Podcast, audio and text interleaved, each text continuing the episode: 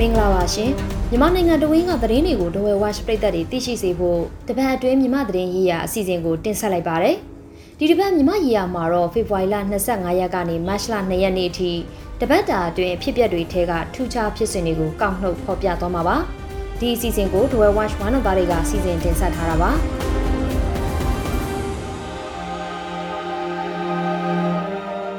ရခိုင်ပြည်နယ်မှာဈေးဆေးရုံတွေကိုလေကြောင်းလက်နက်ကြီးတွေနဲ့ပစ်ခတ်တာကြောင့်အရက်သားတွေရဲ့ဆုလိုက်ပြုံလိုက်ထိခိုက်ဒေဆုံးဒဏ်ရာရခဲ့ကြပါတယ်။စစ်တွေမြို့မှဈေးကကိုရီးယားစိတ်ကမ်းပြန်ကျဈေးမှာဖေဖော်ဝါရီလ29ရက်နေ့နနက်ပိုင်းကဈေးရောင်ဈေးဝယ်သူတွေနဲ့စီကားနေတဲ့အချိန်မှာလက်နက်ကြီးကြီးကြရောက်ပောက်ကွဲလို့လူ12ဦးသေဆုံးပြီး80ခန့်ဒဏ်ရာရခဲ့ပါတယ်။အဲ့ဒီအထက်က30ကျော်ကဒဏ်ရာပြင်းထန်ပြီးအလက်စားအသေးစားဒဏ်ရာရတာ90လောက်ရှိပါတယ်။ စစ်ကောင်စီရေတပ်စစ်သင်းမောကပြစ်ခတ်တဲ့လက်နက်ကြီးကြီးကြရောက်ပောက်ကွဲတာလို့ဒေသခံတွေနဲ့ရခိုင်တပ်တော် AA တို့ကပြောဆိုပါတယ်။စစ်ကောင်စီဘက်ကတော့ AA လက်ချက်လို့ဆွဆွဲထားပါတယ်။ဖေဖော်ဝါရီလ28ရက်နေ့နနက်မိုးမလင်းခင်ကလေးကလည်းမင်းပြမြို့နယ်မှာနေရနှစ်ခုကိုစစ်ကောင်စီကလေကြောင်းတိုက်ခိုက်ခဲ့ပါသေးတယ်။မင်းဖူးရွာဆေးရုံဘုံကျဲခံရတာကြောင့်ဆေးရုံအဆောက်အအုံများစွာပျက်စီးတယ်လို့ စေကူတာမှုခံယူနေတဲ့ပြည်သူတွေစေယုံဝန်ထမ်းတွေပြင်းထန်စွာဒဏ်ရာရတယ်လို့အေအေကဆိုပါတယ်။တေကန်ကျေးရွာကိုလည်းချက်တိုက်လေရင်နဲ့ဘုံကျဲခဲ့တာကြောင့်စစ်ဘေးရှောင်10ဦးဒဏ်ရာရပြီးနေအိမ်စာတင်ကျောင်းနဲ့စပက်ကြီးပျက်စီးဆုံးရှုံးတယ်လို့ဆိုပါတယ်။ဖေဖော်ဝါရီလ20ရက်နေ့ကလည်းရန်ပြဲမြို့နယ်အနီးဝန်းကျင်ကိုလေကြောင်းတိုက်ခိုက်ခံရပြီးစေယုံဈေးနဲ့လူနေအိမ်တွေပျက်စီးခဲ့ပါသေးတယ်။အရသားတွေရှိတဲ့နေရာတွေကိုတိုက်ခိုက်တာဟာစစ်ရာဇဝဲမှုကျူးလွန်တာဖြစ်တယ်လို့ ပြစ်တင်မှုတွေလည်းရှိနေပါတယ်။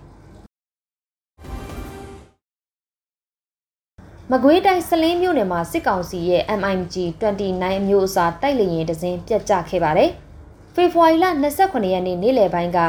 ကျိုးဝန်းရွာအနောက်တောင်ဘက်လယ်ကွင်းထဲကိုပြတ်ကျခဲ့တာဖြစ်ပြီးတိုက်လေရင်မီးလောင်ပျက်စီးသွားပါတယ်။တိုက်လေရင်မူးနဲ့တွဲဘက်လေရင်မူးတို့ကတော့လေထီးနဲ့ခုန်ထွက်ပြီးလွတ်မြောက်သွားပါတယ်။သူတို့ကိုစစ်ကောင်စီတပ်ကလာရောက်ကဲထုတ်သွားတယ်လို့လည်းဆိုပါတယ်။ စစ်ကောင်စီကတော့လေ့ကျင့်ပြန်တန်းချိန်မှာဆက်ချွတ်ရင်းပြီးမတော်တဆဖြစ်တာလို့ထုတ်ပြန်ထားပါတယ်။ဒီနှစ်အတွင်းပြစ်ချခံရတာကြောင့်လဲတိုက်လေရင်နဲ့ရဟတ်ရင်တွေပြတ်ကျခဲ့ပါသေးတယ်။ဇန်နဝါရီလမှာကချင်နဲ့ရှမ်းမြောက်မှာရဟတ်ရင်တစင်းနဲ့တိုက်လေရင်တစင်းကို KIA ကပြစ်ချခဲ့ပါတယ်။ကရင်မှာရဟတ်ရင်တစင်းကို KNL နဲ့ပူးပေါင်းတပ်တွေကပြစ်ချခဲ့ပါတယ်။ပြီးခဲ့တဲ့နှစ်ကလည်းတိုက်လေရင်တစင်းကိုကရင်နီတော်လှန်ရေးအဖွဲ့တွေကပြစ်ချခဲ့ပါသေးတယ်။ တိုက်ပွဲတွေကြောင့်ပြည်သူတွေမြို့ကိုစွန့်ခွာသွားကြတဲ့ရှမ်းမြောက်ကမုံမိတ်နဲ့မဘိန်းမြို့ကိုစစ်ကောင်စီကစစ်အုပ်ချုပ်ရေးကြီးညာထားပါတယ်။အဲ့ဒီမြို့နယ်နှစ်ခုရဲ့အုပ်ချုပ်ရေးနဲ့တရားစီရင်ရေးကိုမြောက်ပိုင်းတိုင်းစစ်ဌာနချုပ်တိုင်းမှုကိုအခြေခံဥပဒေအရအနှင်းတယ်လို့ဖေဖော်ဝါရီလ28ရက်နေ့ကကြေညာတာပါ။ပြီးခဲ့တဲ့ဇန်နဝါရီလအတွင်းမှာမုံမိတ်မြို့မှာကချင်တပ် KIA ចောင်းသားတပ် ABSDF PDF ပူးပေါင်းတပ်တွေနဲ့စစ်ကောင်စီတပ်တို့တိုက်ပွဲပြင်းထန်ခဲ့ပါတယ်။ အဲ့ဒီနောက်ဇန်နဝါရီလကုန်ပိုင်းမှာပြန်လည်ထိန်းချုပ်ထားနိုင်တယ်လို့စစ်ကောင်စီကဆိုပါတယ်။တိုက်ပွဲတွေပြင်းထန်တာကြောင့်ပြည်သူတွေမြို့ကိုစွန့်ခွာသွားကြပြီးနေအိမ်ယာနဲ့ချီလဲမီးလောင်ပျက်စီးခဲ့ပါတယ်။မုံမိတ်ခရိုင်ထဲကမဘိန်းမြို့ကိုတော့ KIA, KPDF, PDF နဲ့ ABSDF တို့ပူးပေါင်းပြီးဇန်နဝါရီလ22ရက်နေ့မှာတိုက်ခိုက်သိမ်းယူနိုင်ခဲ့တယ်လို့ ABSDF ကထုတ်ပြန်ပါတယ်။ပြီးခဲ့တဲ့နှစ်နိုဝင်ဘာလကလည်းမြောက်ပိုင်းမဟာမိတ်တွေတင်ထားတဲ့မြို့နယ်၈ခုကို စစ်ကောင်စီကစစ်အုပ်ချုပ်ရေးကြီးညာခဲ့ပါသေးတယ်။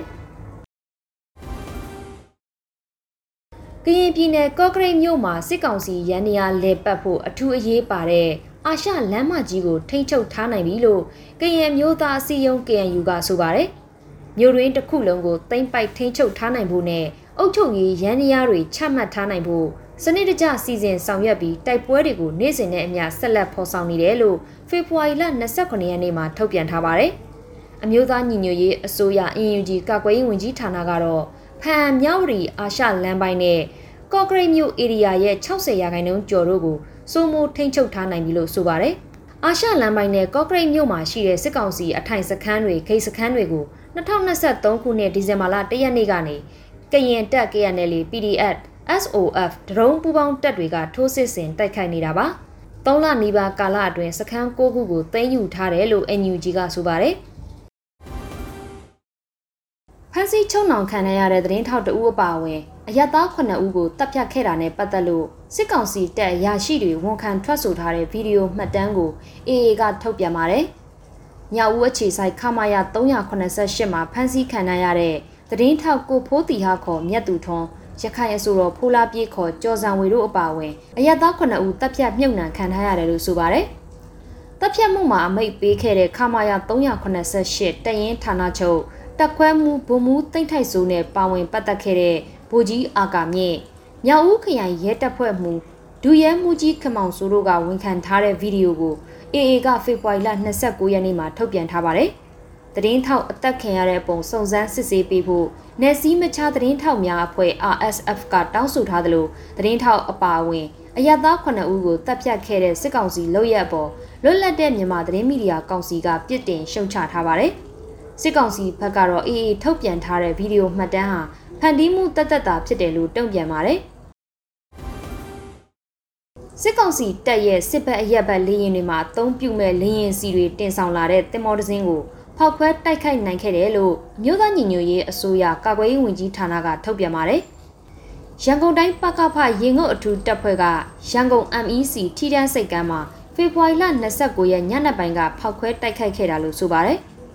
တင်မော်မီးလောင်နေတဲ့ဓာတ်ပုံတွေနဲ့အင်ယူဂျီကထုတ်ပြန်ထားတာပါ။တင်မော်စိုက်ကပ်ပြီးစီချဖို့စောင့်ဆိုင်နေချိန် Just A1 လေယာဉ်စီတင်တဲ့ MV တင်မောကိုအချိန်ကိုက် TNT မိုင်းနဲ့ဖောက်ခွဲတိုက်ခိုက်ခဲ့တာလို့ရန်ကုန်တိုင်းပကဖတာဝန်ရှိသူကမီဒီယာတွေမှာပြောဆိုထားပါတယ်။စစ်ကောင်စီကတော့အခြားစီတင်တင်မောတစ်စင်းကနေ MV တင်မောကိုစီပို့ပေးနေချိန်မိလောင်မှုဖြစ်တာလို့ထုတ်ပြန်ပါတယ်။73စီတင်တင်မောမိလောင်လို့ဒီဇယ်စီခါလန်800ခန့်ဆုံးရှုံးပြီး တင်မောသား2ဦးသေဆုံးတယ်လို့2ဦးလည်းပျောက်ဆုံးနေတယ်လို့ဆိုပါတယ်။